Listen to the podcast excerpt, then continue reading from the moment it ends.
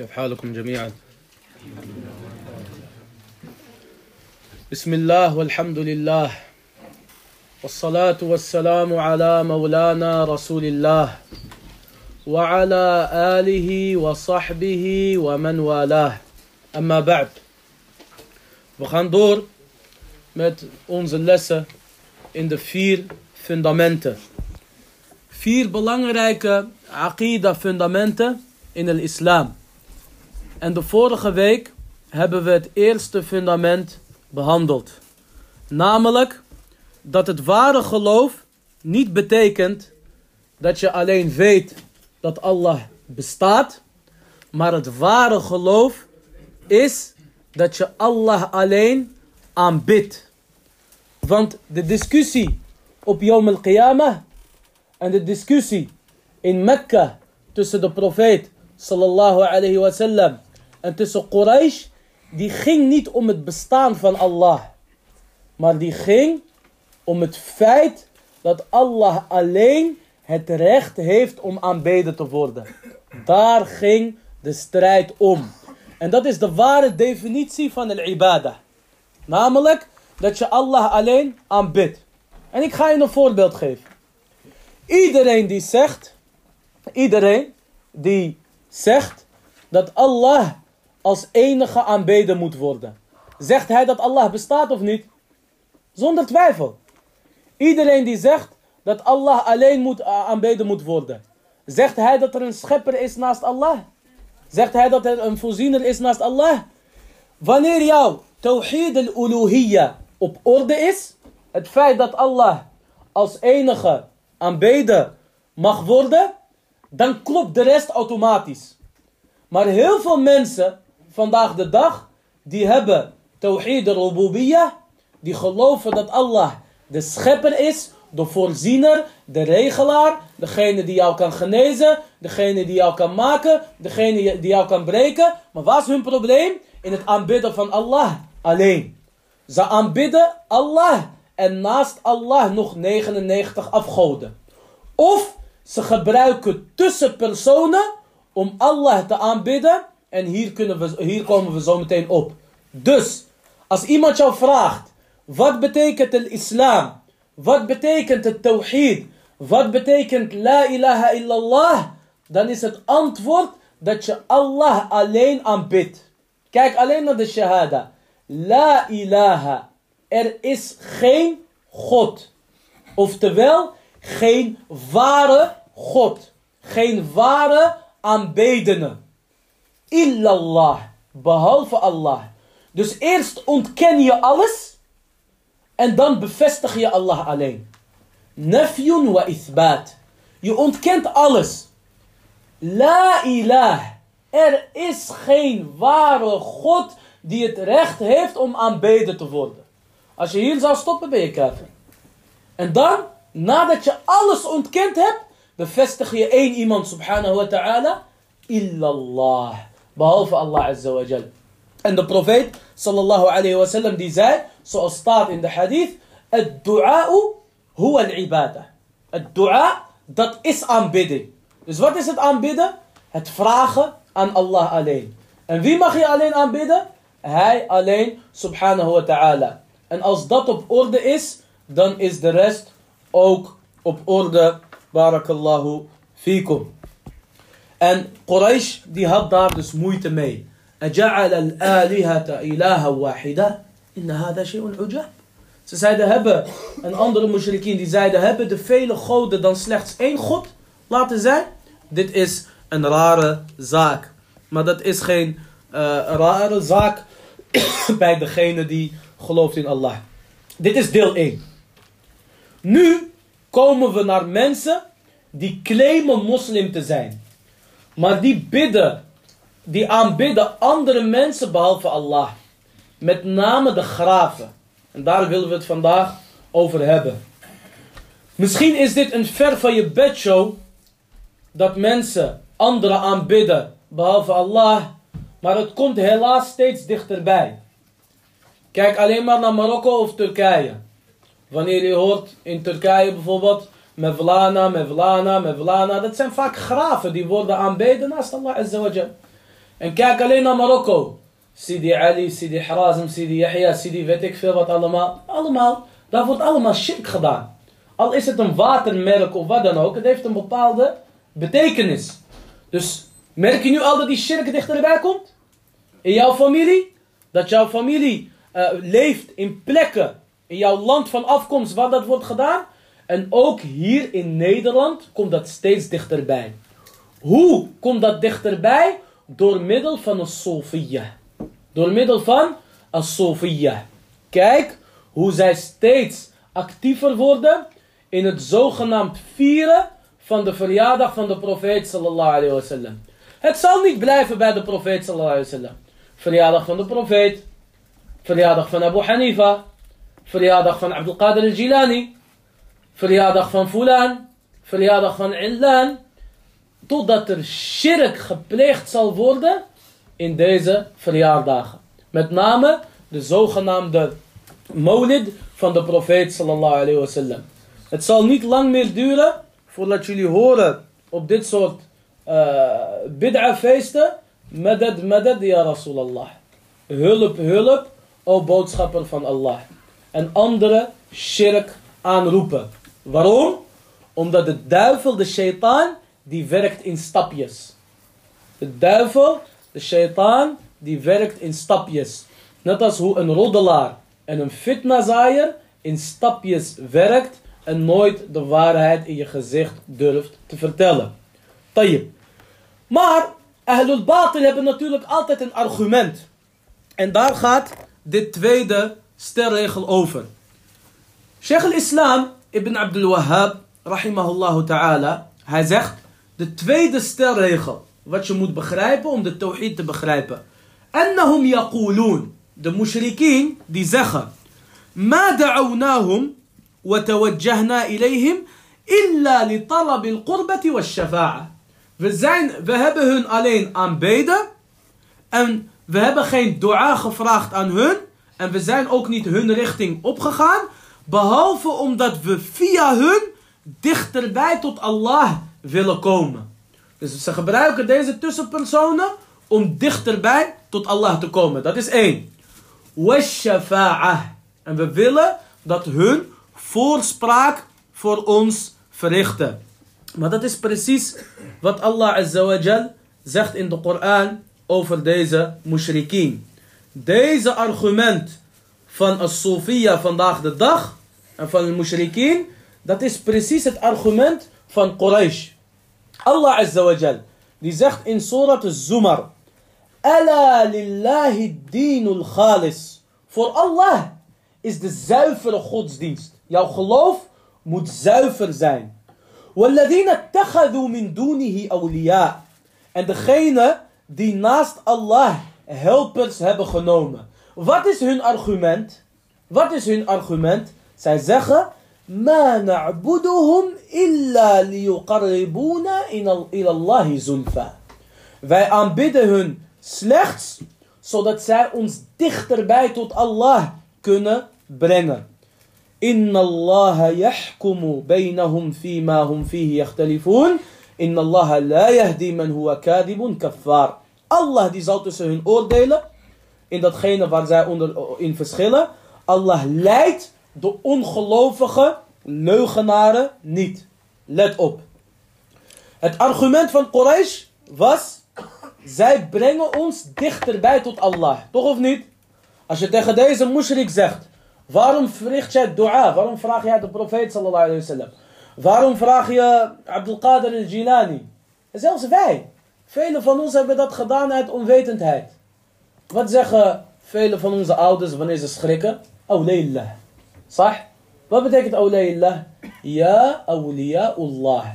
O helpers van Allah. Zo'n dua. Wat zegt Allah in de Koran over deze dua? Dat ze awliya aanroepen. Sahulala. En hoe heeft Allah deze aanroeping genoemd? Hij heeft het aanbidding genoemd. Dus wanneer hij zegt awliillah, dit is shirk in uitspraak. Maakt jou geen kafir wanneer je er niet over uh, nadenkt en bij stilstaat, et cetera. Maar je roept wel iemand anders aan dan Allah. Dat is één voorbeeld. En ook bepaalde liederen die worden gezongen, net als Abdul Qadir Abu net als Ya Mulat al-Ghaba, etc. Het is allemaal shirk. Het is allemaal shirk die aanwezig is op de tongen van de umma van Mohammed sallallahu alayhi wasallam. Dus niemand moet zeggen dat shirk een makkelijke zaak is. Of dat het al uitgestorven is. Of waarom houden jullie alleen bezig met uh, het tawhid en met de shirk? Nee, we houden ons bezig met alle zaken. We hebben uh, tientallen lezingen online staan. Riyad al-Salihin, verhalen van de profeten, verhalen van de sahaba, maar dat zie je niet. Het enige wat je zegt is, waarom houden jullie bezig, zoveel bezig met het tawhid en zoveel tegen shirk? Ja, blijkbaar heb jij daar een probleem. Want het steekt jou dat we ons zoveel bezighouden met het tawhid en met het shirk. Dus het shirk is aanwezig in de umma van Mohammed sallallahu alayhi wa sallam. En een argument waarom we beginnen met het tawhid, is omdat Allah daarmee is begonnen in de vijf zuilen. Wanneer jij al-umrah gaat doen, of al-hajj, mogen Allah mij jullie al-hajj schenken. Je doet of al-umrah, je doet het tawaf. En daarna begin je met de sa'i tussen Safa en Marwa, toch of niet? Waar begin je? As-Safa of al-Marwa? Je begint met de Safa. Wanneer je naar de Safa loopt, zeg je, A'udhu billahi min shaitan rajim, Inna Safa wal Marwata min sha'airillah. Waarlijk, As-Safa en al-Marwa behoren tot de rituelen van Allah. En dan zeg je, Abda'u bima bada Allahu bih.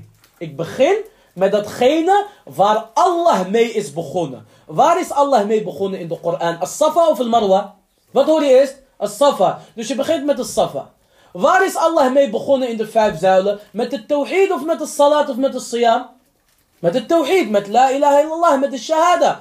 Daarom beginnen wij met het tawhid. En is de grootste focus op het tawhid. Waarmee is Mohammed sallallahu alayhi wa sallam begonnen? In zijn da'wa in Mekka en daarna. Waarmee begon de profeet sallallahu alayhi wa sallam? Als iemand kwam vragen over de islam of als de profeet sallallahu alayhi wa sallam zou uitnodigen naar de islam. Met het tawhid, toch of niet? Dus het is een logische volgorde om met het tawhid te beginnen. En muhim, waar het om gaat, is dat Allah azza wa zegt, de religie is zuiver voor Allah alleen.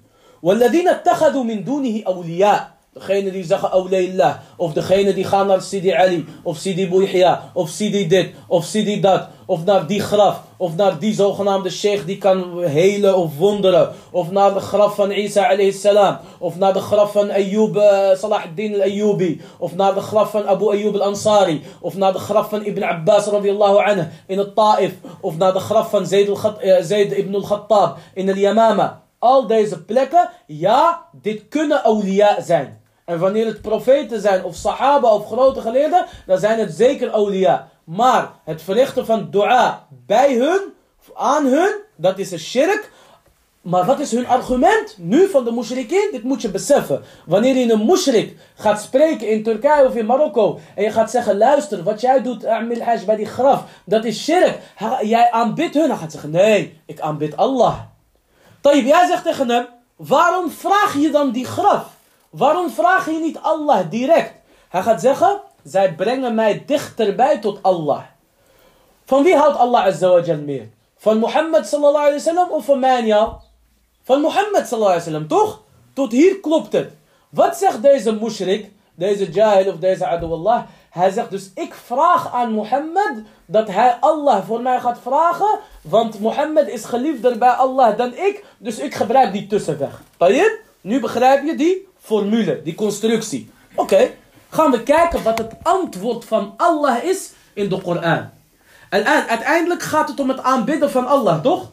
Het gaat om het verrichten van dua aan Allah. Jij wil dat Allah deze dua verhoort, toch of niet? Tayyip, als jij wil dat Allah de dua verhoort, moet je Allah dan aanbidden op de manier hoe hij wil of hoe jij wil? Hoe hij wil. Ik heb nu een deur. Ik wil die deur openen. Moet ik de juiste sleutel erin stoppen? Of kan ik welke sleutel ik wil erin stoppen? Ik moet de juiste sleutel erin stoppen. En de juiste sleutel bij Allah is het tawhid. Ik wil dichter bij iemand komen. Ik wil iemand een cadeautje geven. En ik weet, hij houdt van deze parfum en hij houdt niet van die parfum. Hij haat die parfum. Welke parfum moet ik kopen? Waarvan hij houdt of wat hij haat? Waarvan hij houdt. Allah azawajal houdt van het tawhid. En Allah die haat een shirk. Dus oh jij, degene die een tussenpersoon gebruikt, een graf of een tombe of een profeet of wat dan ook, om dichterbij tot Allah te komen. We gaan niet in discussie over jouw intentie. Misschien wil jij wel het goede, maar dit is niet de manier. Waarom? Allah Azza wa Jal zegt, Allah Azza wa Jal zegt over de mushrikeen dat zij zeggen, Ma na'buduhum illa liyuqarribuna ila Allahi zulfa. Wij aanbidden hun niet deze awliya, deze helpers, deze profeten, deze geleerden, behalve zodat zij ons dichterbij tot Allah brengen. Maar wat zegt Allah Azza wa Jal daarna? Inna Allah yahkumu bainahum fima hum fihi yakhtalifun. Inna Allah la yahdi man huwa kadibun kaffar. Heeft Allah Azza wa Jal gezegd, dit zijn eerlijke moslims? Of heeft Allah Azza wa Jal gezegd, dit zijn leugenaars en ongelovigen? Allah Azza wa Jal zegt, kadibun kaffar leugenaars en ongelovigen. Idan, accepteert Allah deze ibada wel of niet? Laatste argument. Wat zij hebben, is dat zij zeggen, ja maar dit is geen ibada. Dit is gewoon dua. Maar kijk wat Allah Azza wa Jal zegt. وَالَّذِينَ اتَّخَذُوا مِن دُونِهِ أَوْلِيَاءَ Ma na'buduhum illa. En degene die naast hem helpers hebben genomen, wij aanbidden hun alleen, zodat ze ons dichterbij tot Allah kunnen brengen. Tayyip, uh, deze aanbidding. Wat was deze aanbidding? Het dua, toch of niet? Wanneer jij een wali pakt. Je pakt Abdul Qadir al-Jilani al-Hambali, rahimahullah. En je zegt, madad, madad, ja Abdul Qadir. وفي زخت يا عبد القادر داوي حالي أنا. هذا دعاء. خنيس معي ديت اسم دعاء. تخوفني هو نمت الله عز وجل ديت ان القرآن ما نعبدهم. الله دي نمت ام بيدين يا نمت الدعاء؟ ما الله دي نمت ام بيدين أن رسول الله صلى الله عليه وسلم دي زخت ان حديث الدعاء هو العبادة. ان إن أنظر الحديث الدعاء مخ العبادة. دعاء is de aanbidding. En in een andere hadith die zwak is, het dua, dat is de essentie van de aanbidding. En beide hadith die komen op hetzelfde neer. Dus Allah noemt het aanbidding. En Mohammed sallallahu alayhi wa sallam, die noemt het aanbidding. Dus is het aanbidding of niet? Beste broeders, als het gaat om jouw kledingkeuze. Jij mag kiezen welke kleren jij gaat dragen. Jij mag kiezen welke schoenen jij gaat dragen. Jij mag kiezen wat jouw favoriete eten is. Maar als het gaat om aanbidding, je moet Allah aanbidden hoe Hij wil, niet hoe jij wil. Want het gaat er niet om dat jij houdt van Allah. Het gaat erom dat Allah van jou houdt. Lees sha'nu en tuhib. Innama sha'nu en tuhab. Het gaat er niet om dat jij van Allah houdt. Dat is allemaal mooi en aardig. Maar het gaat erom dat Allah van jou houdt. En hoe houdt Allah van jou? Dat je hem op de juiste manier aanbidt in navolging van Mohammed sallallahu alayhi wa sallam. Heel veel christenen die houden van Allah. Die houden van God. Dat zie je aan hem. Daar twijfel je niet aan hem. Maar wanneer zij Mohammed sallallahu alayhi wa sallam niet accepteren. En wanneer zij Jezus aanbidden. In plaats van Allah. Terwijl Jezus zelf heeft gezegd, aanbid mij niet. Aanbid Allah. Terwijl wanneer je de tien geboden opent. In het eerste gebod zie je. Gij zult geen deelgoden aanbidden. Gij zult geen andere God aanbidden behalve ik. Houdt Allah van jou? Nee, je hebt shirk gepleegd. Dus het gaat erom dat Allah van jou houdt. En hoe aanbidt Allah jou? Dat is door hem alleen te aanbidden. Dit is een beetje een uitgebreide uitleg. Probeer het terug te luisteren op een rustig moment. Maar dit alles weerlegt het argument wat zij zeggen. Wij aanbidden hen niet. Wij gebruiken deze graven, deze profeten alleen als tussenpersonen. Allah noemt dit aanbidding. En Allah die zegt. وَإِذَا سَأَلَكَ عِبَادِي عَنِّي فَإِنِّي قَرِيبٌ Allah Azza wa Jal zegt, als mijn dienaren, o Mohammed, jou vragen over mij, zeg ik ben dichtbij.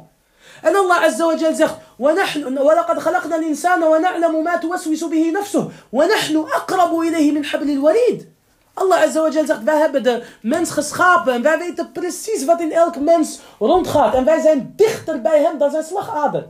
Allah is met zijn kennis en met zijn gehoor en met zijn zicht is hij dichter bij ons dan onze slagaders. Al is hij zelf boven de zevende hemel, subhanahu wa ta'ala, met zijn kennis. Als jij weet dat Allah zo dichtbij is, wat die, die graf die jij aanbidt is verder dan Allah azza wa Dus waarom aanbid je die graf?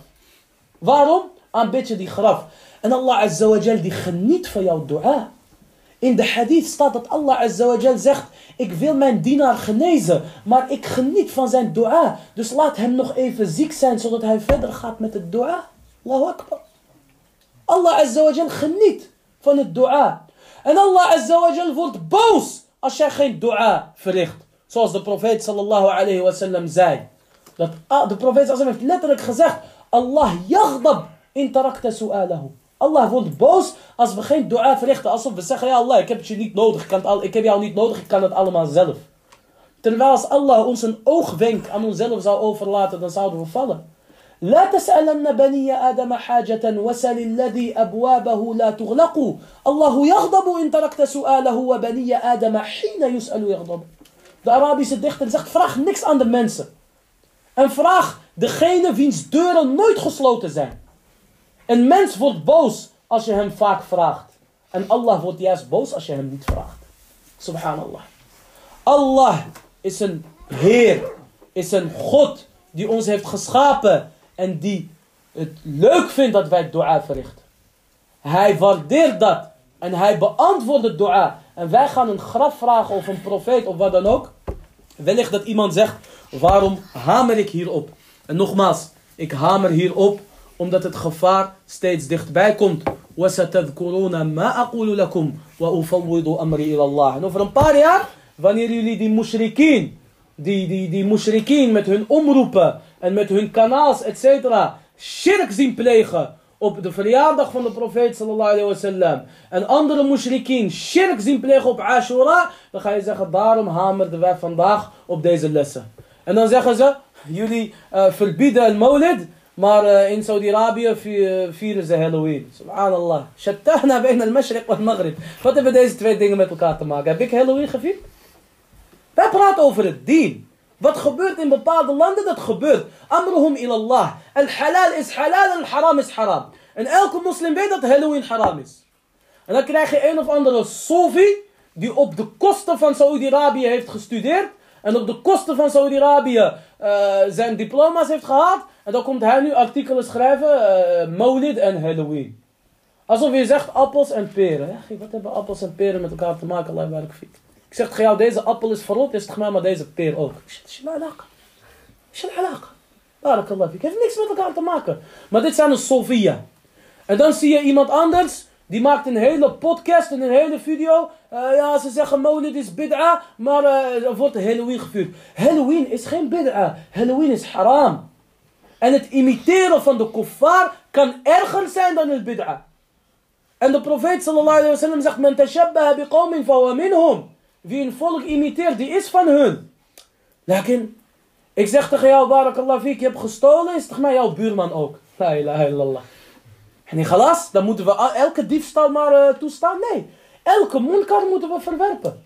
Dus deze mushrikeen en deze ubad al-qubur, die komen steeds dichterbij. Dus wees hiervoor gewaarschuwd, barakallahu fikum. En subhanallah, wanneer je ziet dat de overheid of dat bepaalde overheden van kuffar heel graag werken, samenwerken met bepaalde sofia, dan weet je ook gelijk dat deze op het batil zit.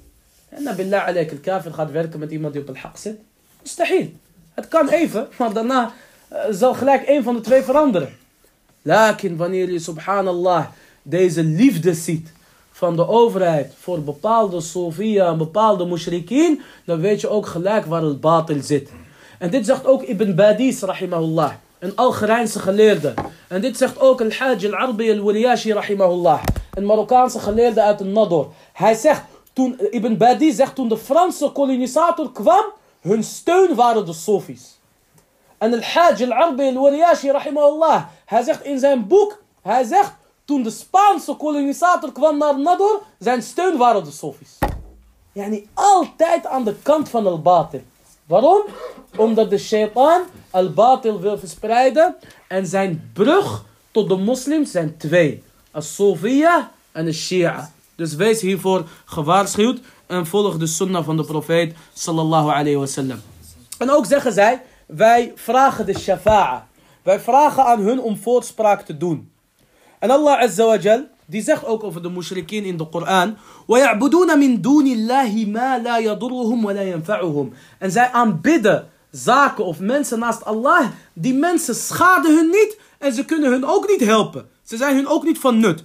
وَيَقُولُونَ En zij zeggen, hun argument is, هَؤُلَاءِ شُفَعَاؤُنَا عِنْدَ اللَّهِ Ze zeggen, dit zijn de mensen die voor ons voorspraak gaan doen bij Allah. Weet je wat voorspraak is? Voorspraak is, uh, jouw broer heeft een winkel. Tayyip? Jouw broer heeft één medewerker nodig. Er is één vacature. En er zijn tien mensen die hebben gesolliciteerd. Duidelijk? En dan komt een vriend van jou. Hij zegt, broer, ik wil graag werken in de winkel van jouw broer. Jazakallah khair. Kan je met je broer vragen? Kan je met je broer praten? Dan ga je naar je broer. En dan zegt tegen hem, luister. Je hebt een vacature openstaan. Ik weet, veel mensen willen. Maar dit is mijn vriend. En hij is een goede man. Laat hem werken. Jouw broer laat hem werken. Heb jij je vriend geholpen of niet? Jouw broer heeft tien mensen overgeslagen door middel van jouw bemiddeling. Sahulala, dit is een shafa'a. Een shafa'a is letterlijk dat je iemand helpt die anders niet geholpen zou worden. Meestal. Dus iemand hoort in Jahannam en dan komt Mohammed sallallahu alayhi wa sallam en dan zegt Allah vraag wat jij wil en dan zegt Mohammed sallallahu alayhi wa sallam ummati ummati. En dan zegt Allah azza wa jal ik zal jou tevreden stellen in jouw umma. Al-shafa'a is dat degene die Koran, dat degene die, die, die, die, die, die gestorven is als martelaar, 70 mensen van zijn familie mag redden. Dat is een shafa'a. Snappen jullie dat? Een shafa'a is dus een soort bemiddeling. Je bent dus een soort bemiddelaar. Je bent een regelaar. Deze Quraysh die zeiden, wij aanbidden hun. Waarom? ويقولون en zij zeggen, هؤلاء شفعاؤنا عند الله. En zij zijn degene die voorspraak bij ons zullen doen behalve Allah. Maar Allah Azza zegt heel vaak in de Koran, zoals Allah Azza zegt in Surah Al-Baqarah, Ja ayyuhalladhina amanu anfiqu mimma razaqnakum. O jullie die gelovigen, geef uit van, van datgene wat wij jullie hebben gegeven. Yani niet alles opsparen, niet alles oppotten. Alhamdulillah, je hebt een huis, je bent getrouwd, je hebt alles. Geef jouw geld uit, fisabilillah. Wat is de beste manier hoe jij je geld kan uitgeven? Net als de man van Banu Israël, zoals staat in de hadith van de profeet sallallahu alayhi in het Bukhari en Muslim. De profeet sallallahu alayhi die zei, er liep ooit een man door een vallei. En hij zag een volk, hij zag dat een stem zei tegen een volk, ga naar de akker van die en die en geef dat te water. En die man die liep naar die akker, naar die boerderij en hij zag een boer. Hij zei hem, hoe heet jij? Hij zei tegen hem, ik die en die. Hij zei, luister, ik heb een wolk gezien die speciaal naar jou komt om jou water te geven. Yani, wat is jouw ibada? Waarom krijg jij zoveel baraka tussen al die boerderijen? En hij zei, ik doe niks bijzonders. Maar als je het echt wil weten, ik verdeel mijn grond in drie. Een derde is voor mezelf en mijn familie. En een derde herinvesteer ik. En een derde geef ik uit omwille van Allah Azza Wees net als die boer van Benu Israël. En dan stuurt Allah Azza naar jou speciale rizq en speciale baraka. Kijk, hij had een boerderij. Maak je eigen onderneming. Maak je huis. Koop je huis. Uh, trouw, etc. Doe dat. Wanneer jij een huis hebt en een auto en een vrouw en kinderen. Je blijft. Geld, alhamdulillah, blijft binnenkomen. Jouw rizq staat geschreven. Als jij wil dat Allah jou baraka geeft. Verdeel jouw rizq in drie. Ja, en je hebt 10.000 euro. Verdeel het in drie. Een derde is voor jou en je familie. Een derde herinvesteer je. In wat dan ook. Komt vanzelf wel goed. En een derde geef je uit omwille van Allah Azza wa Moet je je voorstellen als alle rijke mensen dit zouden doen. Hoeveel problemen zouden er opgelost worden. En ze hebben genoeg voor zichzelf. Ze hebben genoeg voor zichzelf. Dus een derde, een derde, een derde. Zo zet Allah Azza wa baraka in jouw geld. Al-Muhim. Dus Allah Azza wa zegt geef uit. من قبل أن يأتي يوم لا بيع فيه ولا خلة ولا شفاعة. Allah Azza wa zegt, oh jullie die gelovigen, geef uit van datgene wat wij aan jullie hebben gegeven, voordat er een dag komt zonder handel, zonder vriendschap en zonder shafa'a. Zonder voorspraak. Niemand kan jou redden op die dag. Wal kafiruna humu zalimun. en de ongelovigen, dat zijn de onrechtvaardigen. En daarna zegt Allah Azza Allahu la ilaha illa huwa al-hayyul qayyum, ayat al-kursi. Dus Allah Azza heeft gezegd in de Koran, dat er aslan geen shafa'a is op Yom al-Qiyamah. Maar Allah Azza die zegt ook in de Koran, in uh, verschillende ayat, the ook in uh, ook in ayat al-Qudsi, etc. Men ladhi yashfa'u indahu illa bi'idnih. Wie is degene die voorspraak kan verrichten, behalve met zijn toestemming? En daarom, voorspraak, shafa'a, is twee vormen. Voorspraak die ontkend is door Allah. En voorspraak die is bevestigd van Allah Azza wa Jal. De voorspraak die Allah sowieso niet accepteert, is dat jij vraagt aan iemand die jou niet kan helpen. Net als een dood lijk. Of dat jij iets vraagt aan een levende, wat diegene niet kan doen. Dus jij zegt tegen een sheikh, ja mevlana, ja sidi fulan, vergeef mijn zondes. Hij kan dat niet. Hij kan dat niet. Dat is alleen aan Allah Azza wa Jal. Dus dit is shirk. En daarna zegt Allah Azza wa Jal, niemand kan shafa'a verrichten, voorspraak op de dag des oordeels, behalve met zijn toestemming. En degene die voorspraak mag doen op Yom al-Qiyamah, en de grootste van hun is Mohammed sallallahu alayhi wa sallam. En daarna de shuhada en de salihin en de ulama. En ook degene die een klein kind heeft verloren. Voordat diegene uh, volwassen is geworden. Dat kind zal shafa'a doen voor zijn ouders op de dag des oordeels. En wachten bij de deuren van het paradijs. En zeggen, oh Allah, wij gaan pas naar binnen als onze ouders ook naar binnen gaan. Dit is ook een vorm van een shafa'a. Maar een shafa'a heeft voorwaarden. Een shafa'a dat is een eer die je krijgt van Allah. Dat is een eer die je krijgt van Allah. Dat jij redding of hulp mag vragen voor iemand anders. Want de shafi' die zal of vragen dat jij gered mag worden van het hellevuur. Of dat jij naar een hogere plek mag gaan in het paradijs. Maar degene voor wie shafa'a wordt gedaan, Allah Azza wa Jal, die moet tevreden over hem zijn. En het gebeurt alleen na de toestemming van Allah Azza wa Jal. Tayyip. Deze mushrikeen die in deze dunya shafa'a vragen aan de doden. En ze zeggen medad, medad ya Hussein. Hulp, hulp o Hussein. Hulp, hulp o boodschapper van Allah, o Mohammed sallallahu alayhi wa sallam. Hulp, hulp ya ibn Abbas, ya Abdul Qadir, ya Sidi Fulan, ya kada. Allah Azza wa Jal zegt dit is shirk. Dit is kufr. Is Allah tevreden over hun? طيب al zou Mohammed sallallahu alayhi wa sallam shafa'a voor jou willen vragen, yawm al-qiyamah, dat mag niet, want jij bent een mushrik. Shafa'a heeft drie zaken. Allereerst moet Allah tevreden zijn over degene die shafa'a voor jou gaat doen. En ten tweede moet Allah tevreden zijn over degene voor wie voorspraak wordt gedaan. En ten derde moet diegene toestemming hebben gekregen om een shafa'a te verrichten. Ik ga je weer een voorbeeld geven met die winkel. Stel je voor, jij verricht een shafa'a dat iemand mag werken bij jouw broer. je? En jij zegt tegen je broer, uh, luister, laat deze vriend uh, van mij bij jou werken. Jouw broer zegt, ik wil niks met jou te maken hebben, laat staan met jouw vriend. Maar jij mag niet werken, laat staan je vriend. Gaat die shafa'a door of niet? Die shafa'a gaat niet door. Zo is het dus ook, walillah al a'la, als hij niet tevreden is, als Allah niet tevreden is over degene die shafa'a doet. Dus degene die vraagt over aan Sidi Yahya of Sidi dit of Sidi dat. Wie zegt dat Allah tevreden is over die mensen? Een keer hebben ze een graf opgegraven in Marokko, die werd aanbeden naast Allah. Wallah, ze vonden een skelet van een ezel, qasam billah. Die mensen waren, uh, decennia waren ze een ezel aan het aanbidden. Ja, uh, als je wil aanbidden, weet zeker dat het een mens is. Allah, je dino jou. Dus dat is één. Stel je voor, jij gaat naar je broer. En je bent goed met je broer. Je broer is tevreden over jou en hij neemt je serieus. Jij zegt, luister, laat mijn vriend bij jou werken. je? En jouw broer zegt, luister, jouw vriend is een boef. Ik accepteer hem niet in mijn winkel. Gaat die shafa'a door of niet? Hij, jouw broer, is tevreden over jou, maar hij is niet tevreden over jouw vriend. Zie je dat die shafa'a bij twee correct moet zijn? Je moet de, de, de, degene, degene om wie shafa'a wordt gevraagd, hij moet tevreden zijn over degene die vraagt en over degene voor wie wordt gevraagd. Misschien is dit te moeilijk voor sommige mensen op deze dag, op vandaag de dag. Laat in de dag dat jullie Sofia zullen tegenkomen en Mushrikin, dan weet je, er is ooit een lezing gegeven, kan hem rustig na luisteren. En dat is het nut van kennis. Kennis vergaat niet. Tayyip. Dus, als jouw broer niet tevreden is over die vriend, heeft geen zin. Dat is shafa'a voor hem heeft gedaan, al doe je dat. Laatste, barakallah fiek, is dat je toestemming moet hebben gekregen om een shafa'a te doen. Stel je voor, je broer, hij opent een winkel. En hij zegt tegen jou, luister, niet bemoeien met mijn zaken. Je bent mijn broertje, ik hou van je, ik geef je alles wat je nodig hebt, maar jij begrijpt niks van zaken doen. Niet bemoeien.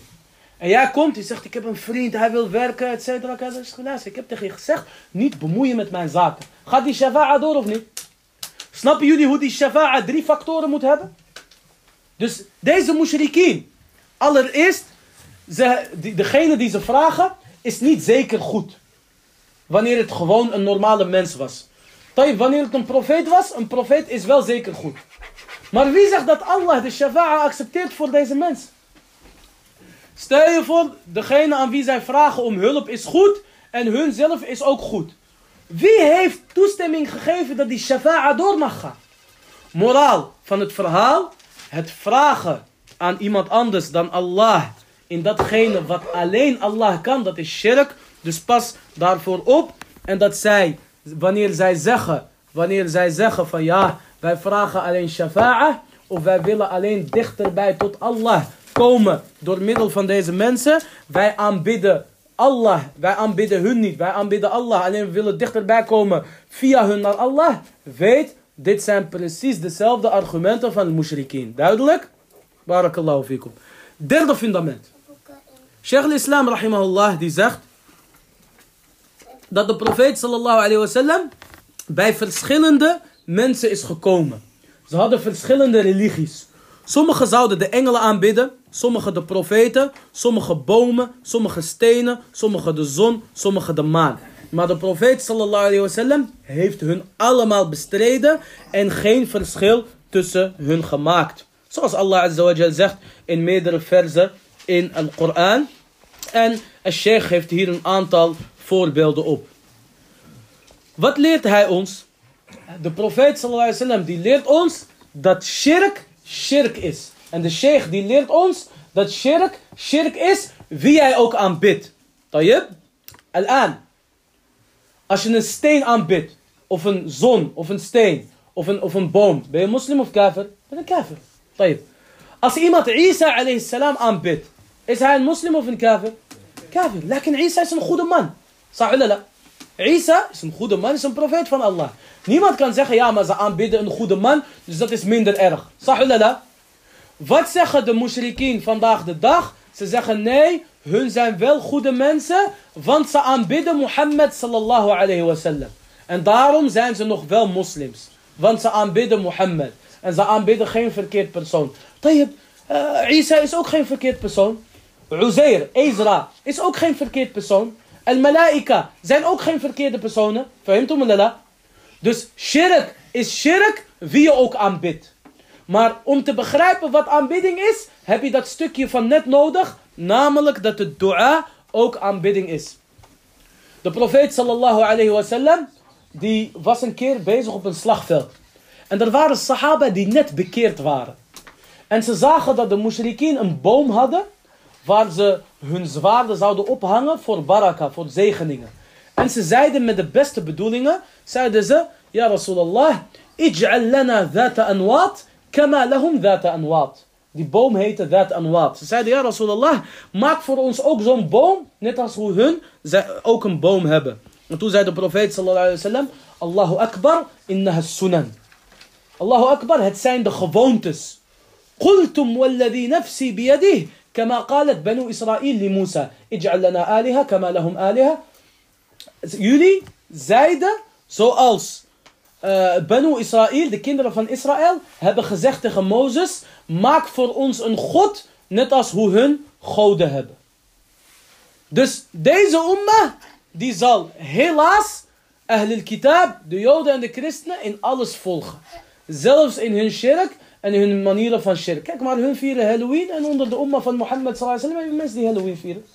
Hun verzinnen iets, een bepaalde trend of een uh, hype of wat dan ook. En je vindt in de umma van Mohammed sallallahu die hun volgen. De mushrikeen dragen hun broeken onder de enkels. Moslims dragen hun broeken onder de enkels. Een of andere mushrik verzint dat het een mode is om je broek boven de enkels te dragen. Moslims dragen uh, hun broek boven de enkels. Mushrikeen scheren hun baarden. Vele moslims scheren hun baarden. Mushrikeen die bedenken dat het een hype is om je baard te laten staan. Heel veel moslims die laten opeens wel hun baard staan. Ja, volg jij de mushrik of volg jij Mohammed sallallahu alayhi wa sallam? Een moslim volgt de profeet en daarna zie je wel wat gebeurt.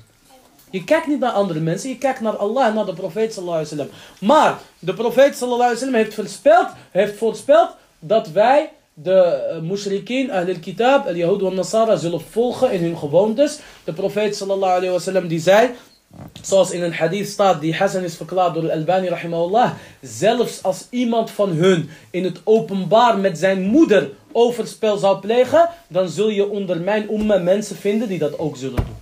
Wal'iyadu billah. Dus pas op voor het imiteren van een kuffar.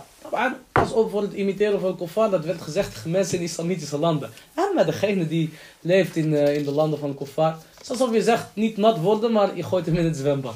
Wala hawla, wala quwwata illa billah. Dit is de derde sterregel. De vierde en de laatste sterregel is dat Sheikh al-Islam ibn Abdul Wahhab zei, de mushrikien van deze tijd zijn erger dan de mushrikien van vroeger. Want de mushrikien van vroeger, die zouden alleen maar shirk plegen in goede tijden.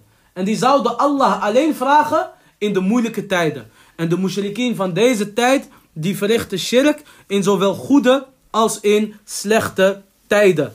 En het bewijs hiervoor is de uitspraak van Allah, de verhevene. فإذا ركبوا في الفلك دعوا الله مخلصين له الدين فلما نجاهم إلى البر إذا هم يشركون Als zij in het schip zouden uh, stijgen, als zij het schip zouden bestijgen, als zij op het schip zouden stappen, dan zouden ze Allah alleen vragen. En als hij hun zou bevrijden en naar het, platte, naar het land zou brengen, dan zouden ze weer shirk plegen. Ikrima ibn Abi Jahl radiyallahu anhu. Dat is een sahabi die heel laat moslim is geworden. En hij werd gezocht door de profeet sallallahu alayhi wasallam nadat Mekka heroverd was. En hij vluchtte naar zee en hij stapte op het schip richting Abyssinië. En het was storm. Op zee was het storm. En toen ja, het schip begon te bewegen en te beven, et cetera. En toen verrichtte zij dua. En toen zei iemand op het schip: Jullie moeten Allah alleen vragen. Want niemand die zal jullie nu kunnen bevrijden behalve Allah. Niemand zal jullie nu kunnen bevrijden behalve Allah. Dus geen afgoderij uh, plegen, maar vraag Allah alleen. Dus die Quraysh, die verrichten wel shirk, maar ze wisten wie ze moesten aanbidden als het erop aankwam. Zoals een van de mushrikien zei, hij zei ja, als ik op reis was, zou ik een god maken van dadels en als ik honger had, zou ik mijn eigen god opeten. Ja, welke dien is dit? Dus ze wisten diep van binnen uh, dat ze fout uh, bezig waren. Ikrima, hij was dus op de vlucht van Mohammed sallallahu alayhi wasallam. En toen hoorde hij op zee dat hij tawhid moest verrichten. Dat hij Allah alleen moest vragen en geen shirk moest plegen. En toen zei hij, subhanallah. Hij zei, als degene die mij alleen kan redden op zee Allah is. Dan is degene die mij alleen op, op land kan redden toch ook Allah. Dus waarom maak ik ruzie met Mohammed? Sallallahu alayhi wasallam. Hij zei, wallahi, als Allah mij bevrijdt, dan ga ik terug naar Mohammed en dan leg ik, zijn hand in, dan leg ik mijn hand in zijn hand. Dus dat hij hoorde op zee, dat hij Allah alleen moest aanbidden, toen viel bij hem het kwartje. Toen zei hij, waarom doe ik eigenlijk moeilijk? Dit is toch precies wat Mohammed van mij vraagt, dat ik hem alleen aanbid. En hij ging terug naar Mekka en hij werd moslim. Dus de mushrikeen van vroeger, die verrichten shirk. Maar als het erop aankwam, zouden ze Allah alleen aanvragen. En subhanallah, Allah verhoort zelfs de dua van een kafir als hij wil. De gunsten van Allah zijn zo groot, dus zelfs als een kafir Allah alleen vraagt, dat Allah, dat Allah hem geeft. Heel veel mushrikeen, die hebben dat meegemaakt in hun leven en zijn daarna uh, bekeerd geworden. Als, als, een, als een kafir een sadaqa geeft, Allah geeft hem daar geen hasanat voor, maar hij geeft hem wel het goede voor. In, het, in, het, in, het, in, in dit wereldse. Als hij iets slechts doet, Allah bestraft hem ook hiervoor. Hè? Wat ze karma noemen of wat dan ook. De profeet heeft gezegd, de kafir die krijgt geen beloning van Allah in hasanat, maar wel in deze dunya. Waarom? Allah is rechtvaardig. Ook als je een ongelovige onrecht aandoet. Denk niet, hij is kafir, hij is geen moslim, ik mag hem wat aandoen. Nee, als hij Allah dua doet en hij zegt, krijg de puntje, puntje, dat krijg je dan ook daadwerkelijk in je lichaam. Want de dua van iemand die onrecht wordt aangedaan, die wordt verhoord. Al is het een kafir. Al-Muhim. De mushrikeen van vroeger, die wisten heel goed dat ze Allah alleen moesten aanbidden bij uh, tegenspoed. En bij voorspoed zouden ze, uh, zouden ze wel shirk plegen. Ik ga jullie een voorbeeld geven zodat jullie het begrijpen. Net als de atheïsten vandaag de dag. Atheïst. Hij gelooft niet in God. Er bestaat geen God. Uh, religie is achterlijk, etc. Wanneer het vliegtuig neerstort, wat zegt hij? Oh my god. Sahilala. Welke God Allah? Ik geloof niet in Allah. Sahilala. Dus je ziet dat wanneer het tegengaat, dat ze gelijk weer terugkeren naar de schepper. Ze keren gelijk terug naar hun fitra. Oh mijn God. Welke God? Je bent toch atheïst? Automatisch. Automatisch. Waarom? Diep van binnen weten ze wel dat er iets moet zijn. قل أي شيء أكبر شهادة قل الله. Diep van binnen weten ze dat Allah bestaat. Zoals Allah zegt in de Koran, jahaduha wa iqanatha anfusuhum. Ook kama qala ta'ala. Allah azza wa zegt, ze ontkennen het, maar van binnen weten ze het. En daarom zie je ook, wanneer die vliegtuig instort, oh my god, oh mijn god. Tel daarbij, nu pas. Nu pas ken jij jouw God. Waar was jouw God wanneer het goed ging? Maar, er is een groep van de mushrikien vandaag de dag, die zijn erger dan de mushrikien van vroeger. Want zelfs wanneer die vliegtuig neerstort, zeggen ze Jesus Christ. Of zeggen ze, zoals de Shia, Medad, Medad, ja Hussein. Dus zelfs in de ergste momenten blijven ze aan hun shirk vasthouden. Zoals sommige Sofia, sommige Sofia, als je tegen hem zegt, zweer bij Allah, terwijl hij liegt, hij zweert bij Allah. En als je tegen hem zegt, zweer bij jouw sheikh fulan, hij zweert niet terwijl hij liegt. Hij zegt, nee, die sheikh die ziet me. Ik ben Allah. Allah Azza wa is degene die jou ziet. Boven zeven hemelen. Dus wat Sheikh al-Islam Ibn Abdul Wahhab rahimahullah uitlegt, is dat de shirk van de mushrikeen en dat de slechtheid deze tijd erger is dan vroeger. Dus doe kennis op en wees op je hoede. Een aantal dagen geleden las ik een hadith en dat is dat de profeet sallallahu alayhi wa sallam zei. Hij zei sallallahu alayhi wa sallam, en de hadith is Hassan verklaard door de Sheikh al-Albani rahimahullah. De profeet sallallahu alayhi wa sallam zei, jullie leven in een tijd, als jullie 10% van datgene waarmee ik ben gekomen zouden laten, als jullie 10% van het geloof niet zouden verrichten, dan zouden jullie vernietigd zijn. En daarna zei de profeet sallallahu alayhi wa sallam, er komt een tijd, als mensen zich alleen vasthouden aan 10% van hun geloof, dan worden zij gered door Allah. Dus wordt slechtheid erger of niet? Dus wij hopen op de genade van Allah in deze tijd. Niet omdat wij zo goed zijn, maar omdat de rest nog slechter is. En daarom zei de profeet sallallahu alayhi wa degene die zich vasthoudt aan mijn sunnah, wanneer mijn umma bedorven is, die krijgt de beloning van 50 sahaba. Van 50. Ze zeiden, ja Rasulallah, 50 van ons of 50 van hun? De profeet sallallahu zei 50 van jullie. En zo ook deze hadith. 10% van de religie laten in de tijd van de profeet sallallahu alayhi wa sallam betekent vernietiging. Waarom? Je hebt geen reden. Er is rechtvaardigheid. Amir al-Mu'minin is Abu Bakr na de profeet sallallahu alaihi wasallam. En daarna Umar. En daarna Uthman. En daarna Ali. Moet je voorstellen, jouw regeringsleider is Umar ibn Khattab. Welke recht heb jij om, om welke, welke excuus heb jij om niet rechtvaardig te zijn of om niet te werken? Geen belastingen, niks. Umar radiallahu anhu, ma adraka ma Umar, die de regeringsleider is van de moslimin. En zakat wordt uitgedeeld en de sadaqa wordt uitgedeeld. En de umma van Mohammed sallallahu alaihi wasallam, die kende geen armoede in de tijd van Umar ibn Abdul Aziz, uh, rahimahullah ta'ala tientallen jaren na de sahaba. Welke reden heb jij om slecht te zijn? Sa'ulala. Je kijkt naar rechts, al-imam Malik. Je kijkt naar links, al-imam al-Shafi'i. Je gaat 30 jaar verder, Ahmed ibn Hanbal. Daarna al-Bukhari, daarna moslim. Welk, welk, welk argument heb jij om geen goede moslim te zijn? Sa'ulala. Als je 10% van het geloof zou laten in de tijd van Mohammed sallallahu alaihi wasallam, was je vernietigd. Maar deze tijd, wie heb je? Wie heb je?